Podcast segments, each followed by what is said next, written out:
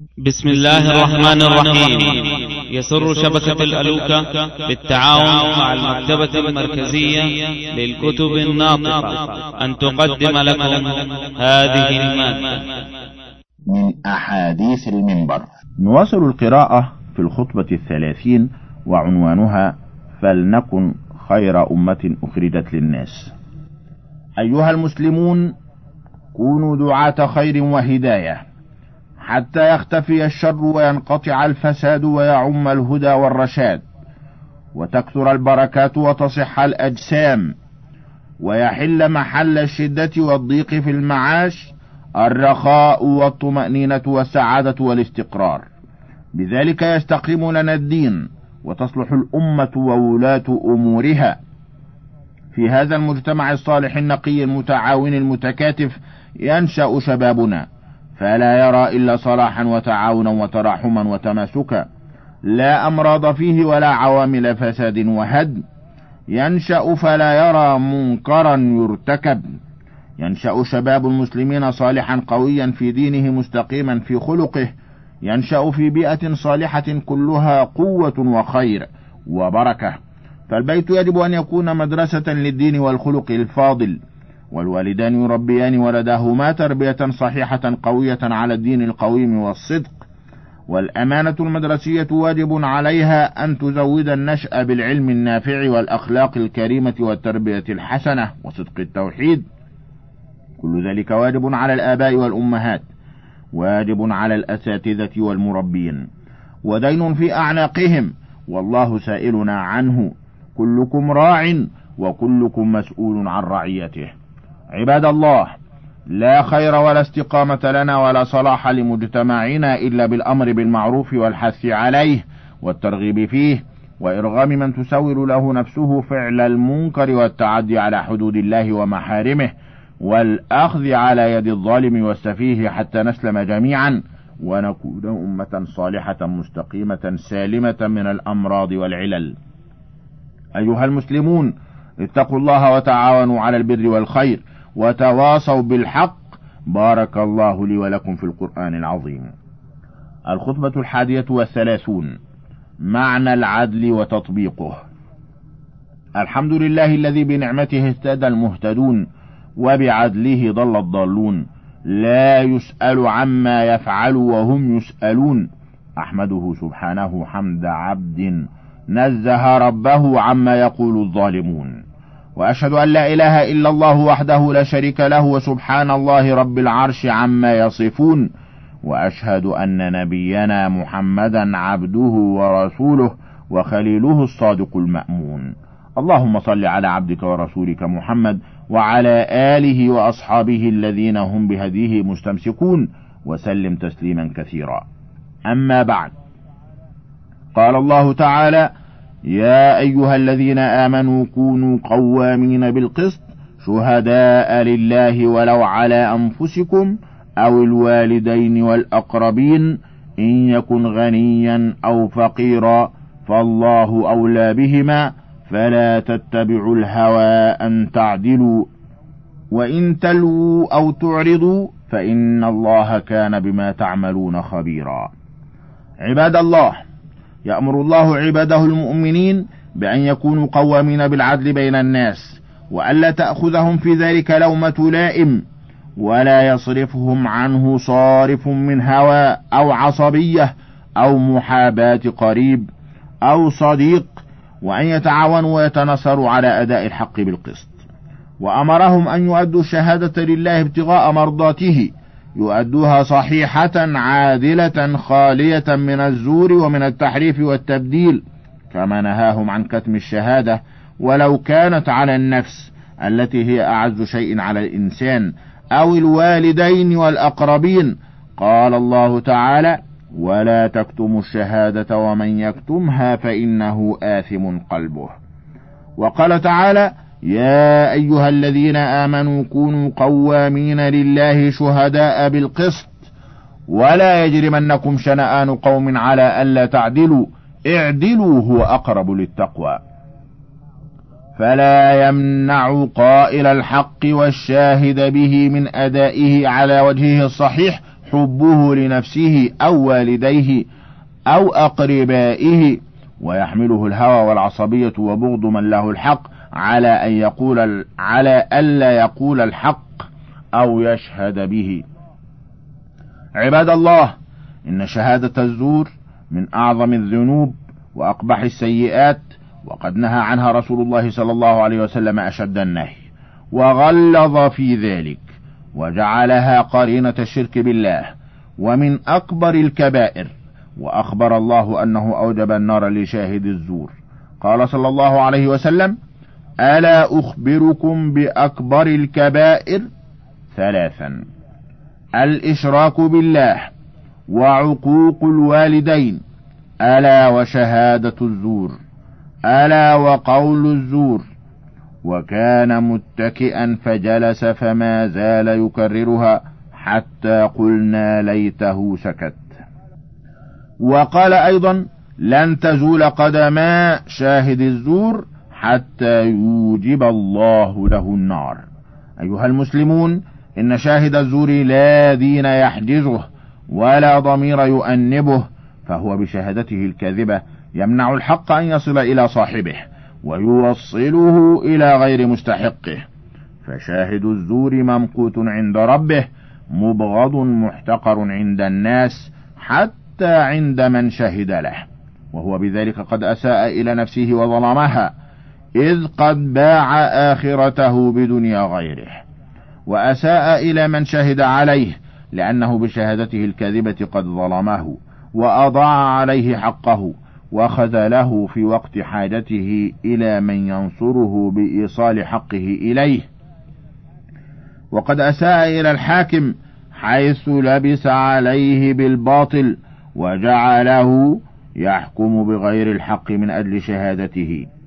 وهو فوق ذلك قد عصى الله ورسوله واتبع هواه وخسر دنياه وآخرته. فاتقوا الله عباد الله واجتنبوا قول الزور والشهادة به وأدوا الشهادة كما رأيتم وسمعتم ولا تكتموا الشهادة ومن يكتمها فإنه آثم قلبه. بارك الله لي ولكم في القرآن العظيم. الخطبة الثانية والثلاثون. عدل الولاة والحكام. الحمد لله القائم بين عباده بالقسط وهو خير الحاكمين. أحمده وأشكره وأشهد أن لا إله إلا الله وحده لا شريك له يرضى بالعدل ويأبى الظلم وأشهد أن محمدا عبده ورسوله أفضل العادلين وخير الهادين. اللهم صل وسلم على عبدك ورسولك محمد وعلى آله وصحبه وسلم. أما بعد فيا عباد الله أمر الله العباد بالعدل وترك الظلم كما أمرهم بأداء الأمانة وعدم الخيانة. فالعدل من أعظم الأمور التي يجب أن يتصف بها الإنسان. قال الله تعالى وإذا حكمتم بين الناس أن تحكموا بالعدل إن الله نعم ما يعظكم به. أيها المسلم أنت مأمور أن تكون عادلا في كل شيء. في قولك وفي عملك وفي حكمك وفي مالك وفي سائر معاملاتك وأن تكون عادلا مع غيرك مهما كان هذا الغير قريبا أو بعيدا عدوا أو صديقا محسنا إليك أو مسيئا عليك أن تضع كل شيء في موضعه وترد كل حق إلى صاحبه وتزن أمورك كلها بميزان العدل. فالعدل لم يطلب من أفراد مخصوصين. بل هو مطلوب من كل أحد لكل بحسبه فالحاكم واجب عليه العدل في رعيته وفيما ولي عليه والقاضي يجب أن يكون عادلا في أحكامه وفيما هو مطلوب منه العدل فيه والوالد مع أولاده يجب أن يكون عادلا بينهم والزوج يجب أن يكون عادلا بين زوجاته ولضرورة وجود العدل وعدم استقامة الأمور إلا به جاء الأمر بالعدل في كثير من آيات القرآن الكريم. وجاء عاما ومطلقا وليكون شاملا لجميع الناس وعاما جميع الأمور المطلوب فيها العدل. قال الله تعالى يا أيها الذين آمنوا كونوا قوامين لله شهداء بالقسط ولا يجرمنكم شنآن قوم على ألا تعدلوا اعدلوا هو أقرب للتقوى. وقال الله تعالى وإذا قلتم فاعدلوا ولو كان ذا قربى. لم يأت في الآية والأحاديث أن العدل لا يكون إلا إذا وافق هوى أو وافق غرضا أو شهوة بل أتى في كل ذلك بالأمر بالعدل في أي حالة في حالة الرضا والغضب وأن يكون عاما بين الناس من قرب ومن بعد. والله تعالى قد رغب في العدل. وحبب الناس فيه. قال الله تعالى وإن حكمت فاحكم بينهم بالقسط إن الله يحب المقسطين.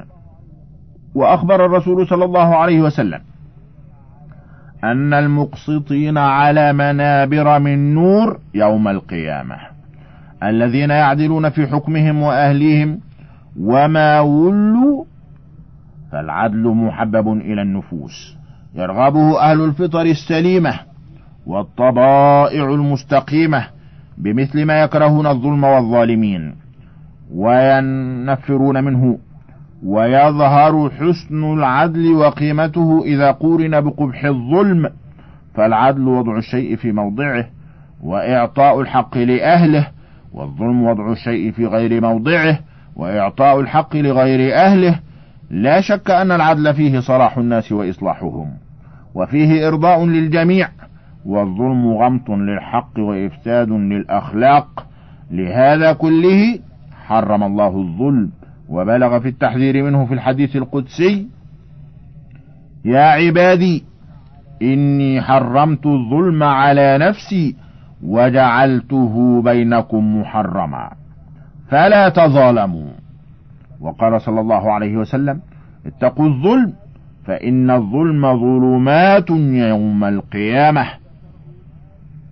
وقد سد الشرع جميع الأبواب التي توقع في الحيف والظلم وتحمل عليه فحرم الرشوة ولعن الراشي والمرتشي ومنع الشفاعة في الحدود والتوسط في الأحكام وأمر أن يترك القاضي حرا يحكم بالحق ويحقق العدل.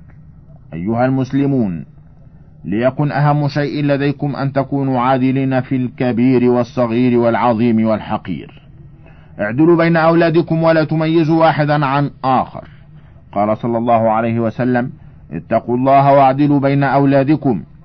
اعدلوا بين أزواجكم فإن الظالم يأتي يوم القيامة وأحد شقيه مائل. ومن العدل أن تنصر أخاك ظالما أو مظلوما. ونصرة أخيك الظالم تكون بمنعه من الظلم ونصرة أخيك المظلوم بدفع الظلم عنه. ولا تظلم أحدا في مال قل أو كثر ولا تغتصب من أحد شيئا. قال صلى الله عليه وسلم من اغتصب شبرا من الأرض طوقه الله يوم القيامة من سبع أراضين. الخطبة الثالثة والثلاثون. خطبة في الاستسقاء. الحمد لله الكريم الوهاب الرحيم التواب مزيل الشدائد واللأواء فارج الهم وكاشف الغم مجيب دعوة المضطر. فما سأله سائل فخاب أحمده سبحانه وأشكره على نعمه التي لا تحصى وأشهد أن لا إله إلا الله وحده لا شريك له خلق فقدر ودبر فيسر وكل شيء عنده بمقدار. وأشهد أن نبينا محمدا عبده ورسوله أكرم نبي أنزل عليه أشرف كتاب. اللهم صل على عبدك ورسولك محمد وعلى آله وأصحابه أهل البر والتقى وسلم تسليما كثيرا. لا إله إلا الله. يفعل ما يشاء ويحكم ما يريد. لا إله إلا الله الولي الحميد. لا إله إلا الله المؤمل لكشف كل كرب شديد. لا إله إلا الله المرجو للإحسان والإفضال. لا إله إلا الله لا راحم ولا واسع سواه للعبيد. لا إله إلا الله لا ملجأ منه إلا إليه ولا مفر ولا محيد. سبحان فارج الكربات سبحان مجيب الدعوات سبحان مغيث اللهفان سبحان مزيل الشدائد والمكروهات سبحان القائم بأرزاق جميع المخلوقات سبحان من عم بستره ورزقه حتى العصاة. أما بعد فيا أيها الناس اتقوا الله وتوبوا إليه واستغفروه وأخلصوا له العبادة ووحدوه. عباد الله إنه ما نزل بلاء إلا بذنب ولا مصيبة إلا بتوبة. فتوبوا إلى الله جميعا أيها المؤمنون. تكشف مصائبكم واعلموا أن بخس الموازين والمكاييل ومنع زكاة الأموال من أسباب القحط ومنع الغيث ومحق البركات وشدة المؤونة والضيق في الأرزاق كلها بسبب المعاصي. ما أصابك من حسنة فمن الله وما أصابك من سيئة فمن نفسك. في الحديث عن النبي صلى الله عليه وسلم أنه قال لم ينقص قوم المكيال والميزان إلا أخذوا بالسنين وشدة المؤونة ودور السلطان. ولم يمنعوا زكاة أموالهم إلا منعوا القطر من السماء ولولا البهائم لم يمطروا.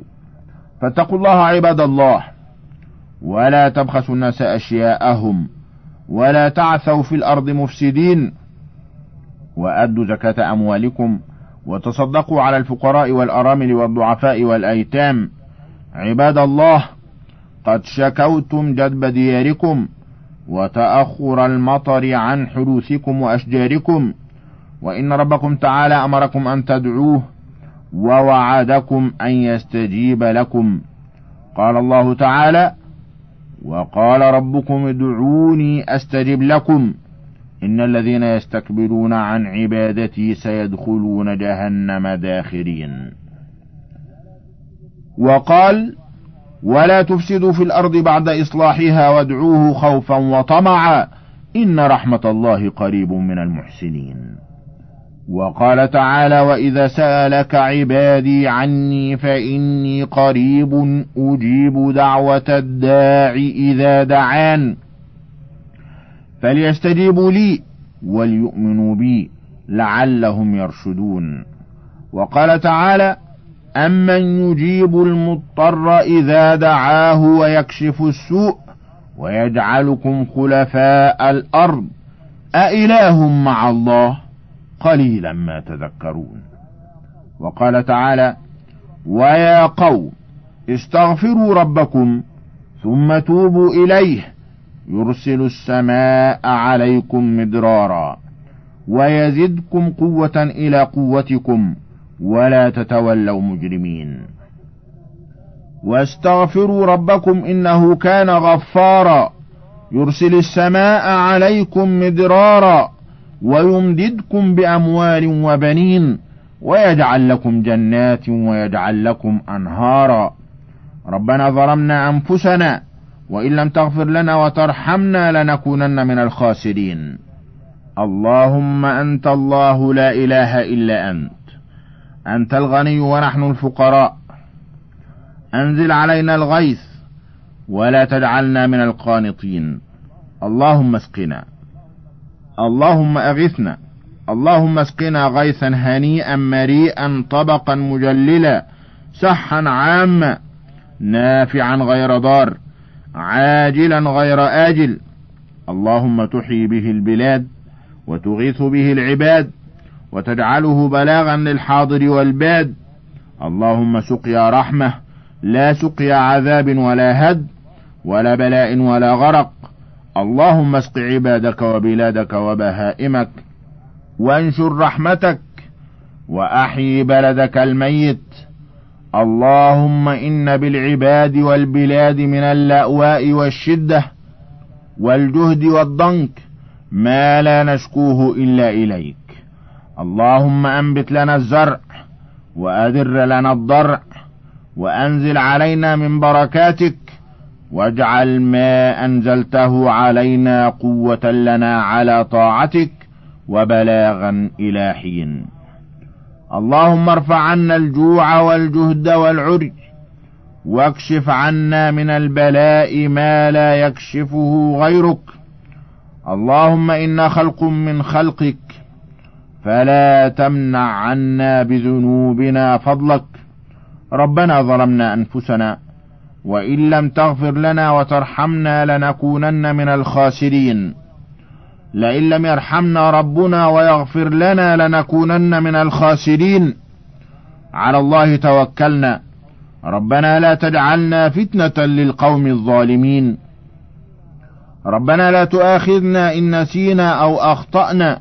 ربنا ولا تحمل علينا إصرا كما حملته على الذين من قبلنا. ربنا ولا تحملنا ما لا طاقة لنا به. واعف عنا واغفر لنا وارحمنا. أنت مولانا فانصرنا على القوم الكافرين. عباد الله اقلبوا أرديتكم كما فعل رسول الله صلى الله عليه وسلم حينما استسقى. وادعوا الله استجب لكم.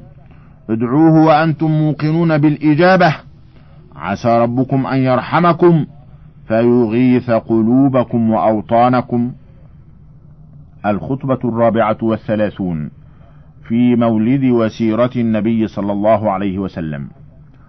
الحمد لله الذي بعث في الأميين رسولا منهم يتلو عليهم آياته ويزكيهم ويعلمهم الكتاب والحكمة رسولا يعز عليه ما يعنت أمته بهم رؤوف رحيم.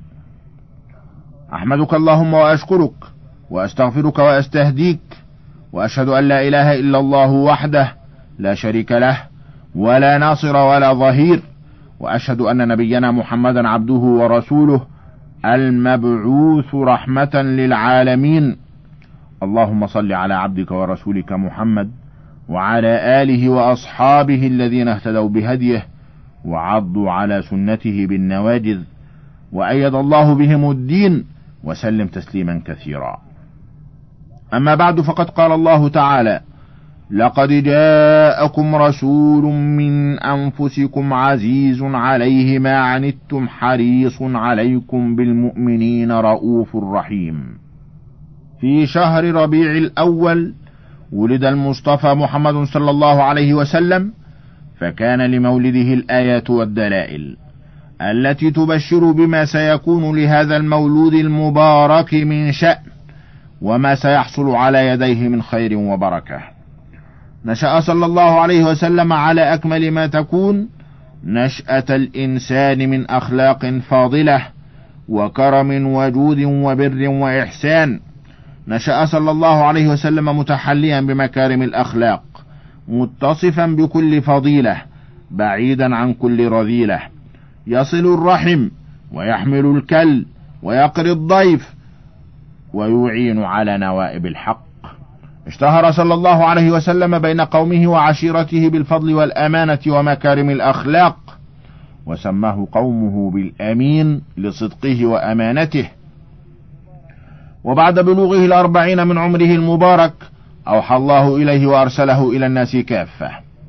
عربهم وعجمهم بشيرا ونذيرا وهاديا إلى الخير والرشاد. محذرا من الشر والفساد.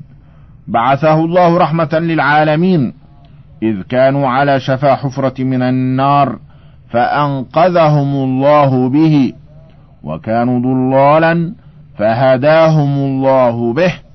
وكانوا أعداء فألف الله بين قلوبهم. بلغ صلى الله عليه وسلم رسالة ربه أحسن تبليغ وأتمه. وأدى الأمانة التي حملها على أتم وجه وأحسن أداء فجاهد في دين الله وصبر على الأذى وفارق بلاده وعشيرته في سبيل الله ومرضاته حتى أظهره الله وأظهر دينه على سائر الأديان. دعا الناس إلى توحيد الله وإخلاص العبادة له وحذرهم من الشرك وعبادة غير الله كائنا من كان. دعا إلى الأخلاق الفاضلة والعادات الطيبة. أتى بتعاليم ومبادئ تزكي النفوس وتنمي الإيمان وتقويه وتحفظ العقل والعرض والمال.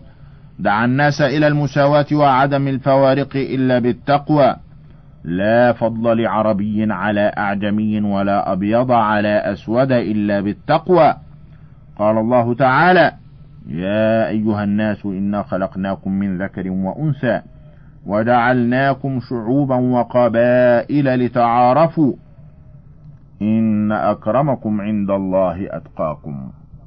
نهى صلى الله عليه وسلم عن تقليد الآباء والأجداد واتباع الأهواء والشهوات. أرسله الله رحمة للعالمين. أرسله بالنور والعلم والهدى حينما كان الناس في جاهلية جهلاء وفي ضلال وعمى. حينما كانت العقائد مصدرها الأوهام والخرافات وكان التحاكم إلى الكهان والعرافين والنفع والضر يطلب من الأصنام والأوثان والموتى. فالعقائد زائفة والأوهام والخرافات مسيطرة على العقول. كانوا في جاهلية لا تعرف العدل ولا الرحمة بالضعفاء لا تعرف الخير ولا فعله ولا التعاون على الحق الحرمات تنتهك والدماء تسفك والأعراض يعتدى عليها والعقول تتخبط في ظلمات الجهل والضلال. فأنقذ الله به العالم من الرجس والظلم والطغيان. فعمت الرحمة وحل العدل محل الظلم وأصبح الناس بنعمة الله إخوانا. وصار أتباعه قادة العالم ودعاة الدين والسلام. أعزهم الله به وأعز بهم الدين. فتحوا الممالك ونشروا فيها تعاليم الدين ومبادئه. وصارت راية الإسلام تخفق في مشارق الأرض ومغاربها. فنشأة الرسول صلى الله عليه وسلم وحياته كلها عبرة وجهاد وإصلاح وإرشاد. جهاد في سبيل الله وإصلاح لما فسد من الفطر والعقول. وإرشاد للخلق ودعوة لهم إلى الحق وإلى ما فيه إسعادهم وفلاحهم. أمرهم بذلك كله ونهاهم عن الباطل والشرك والزيغ نهاهم عن العادات الجاهلية الضارة والمفسدة للدين والعقل. فصلاة الله وسلامه عليه. فقد كان رحمة للعالمين وبالمؤمنين رؤوفا رحيما. يحتفل الكثير بمولد الرسول صلى الله عليه وسلم ليحيي بذلك ذكراه متصورا أنه لولا إحياء هذه الذكرى وأمثالها في كل عام لنسي صلى الله عليه وسلم ونسيت رسالته. فهو بذلك كالرجل العظيم الذي أظهر بطولته وأدى خدماته فهو يكرم ويحتفل به من أجلها. لئلا ينسى وتنسى بطولته وخدماته. وما علم أن الرسول صلى الله عليه وسلم أعظم من أن ينسى فلا يذكر ورسالته أجل من أن تختفي فلا تظهر إلا بذلك. فالقرآن الكريم المنزل عليه هدى وشفاء بين أيدينا أعظم ذكرى له صلى الله عليه وسلم. ولدينه ورسالته العامة الباقية إلى قيام الساعة. وسنته الطاهرة النقية تذكرنا به كل ما عملنا بها. وقد رفع الله له ذكره وقرن اسمه صلى الله عليه وسلم باسمه فهو ينادى به للصلوات الخمس. فلا يعمل بشيء مما أمر به أو يجتنب شيء مما نهى الله عنه إلا ويتذكر. فهو دائما متذكر ما عمل بشرعه. ولكن هل نحن معشر المسلمين استمسكنا بسنته صلى الله عليه وسلم واهتدينا؟ واهتدينا بهديه؟ هل اقتدينا به في دعوته إلى التوحيد وفي جهاده وصبره وأخلاقه؟ إنه لا فلاح للناس ولا مفر من الخسران إلا إذا آمنوا بهذا الرسول الكريم. وبما جاء به إيمانا صادقا وعملوا الصالحات وتواصوا بالحق وتواصوا بالصبر. وما ضعف المسلمون وتسلط عليهم العدو إلا حينما ابتعدوا عن دينهم. وضعف إيمانهم به وتخلفوا عن اتباع الرسول صلى الله عليه وسلم وتحكيم شرعه والاقتداء به. ولن يستردوا مجدهم وسلطانهم ولن يكونوا خير أمة أخرجت للناس إلا بالرجوع إلى دينهم واستمساكهم بحبل الله المتين والاهتداء بهدي الرسول صلى الله عليه وسلم وطاعته في كل شيء. قال صلى الله عليه وسلم من أطاعني دخل الجنة ومن عصاني فقد أبى. اللهم وفق المسلمين للعمل بكتابك وبسنة نبيك محمد صلى الله عليه وسلم. اللهم خذ بنواصيهم إلى الحق واهدهم سبل الرشاد وأصلح فساد قلوبهم وانصرهم على أعدائهم. اللهم حقق للمسلمين ما يرجونه من عز ونصر وتمكين. بارك الله لي ولكم في القرآن العظيم ونفعني وإياكم بما فيه من الآيات والذكر الحكيم. أقول قولي هذا وأستغفر الله لي ولكم ولسائر المسلمين من كل ذنب فاستغفروه إنه هو الغفور الرحيم. من فضلك تابع بقية المادة.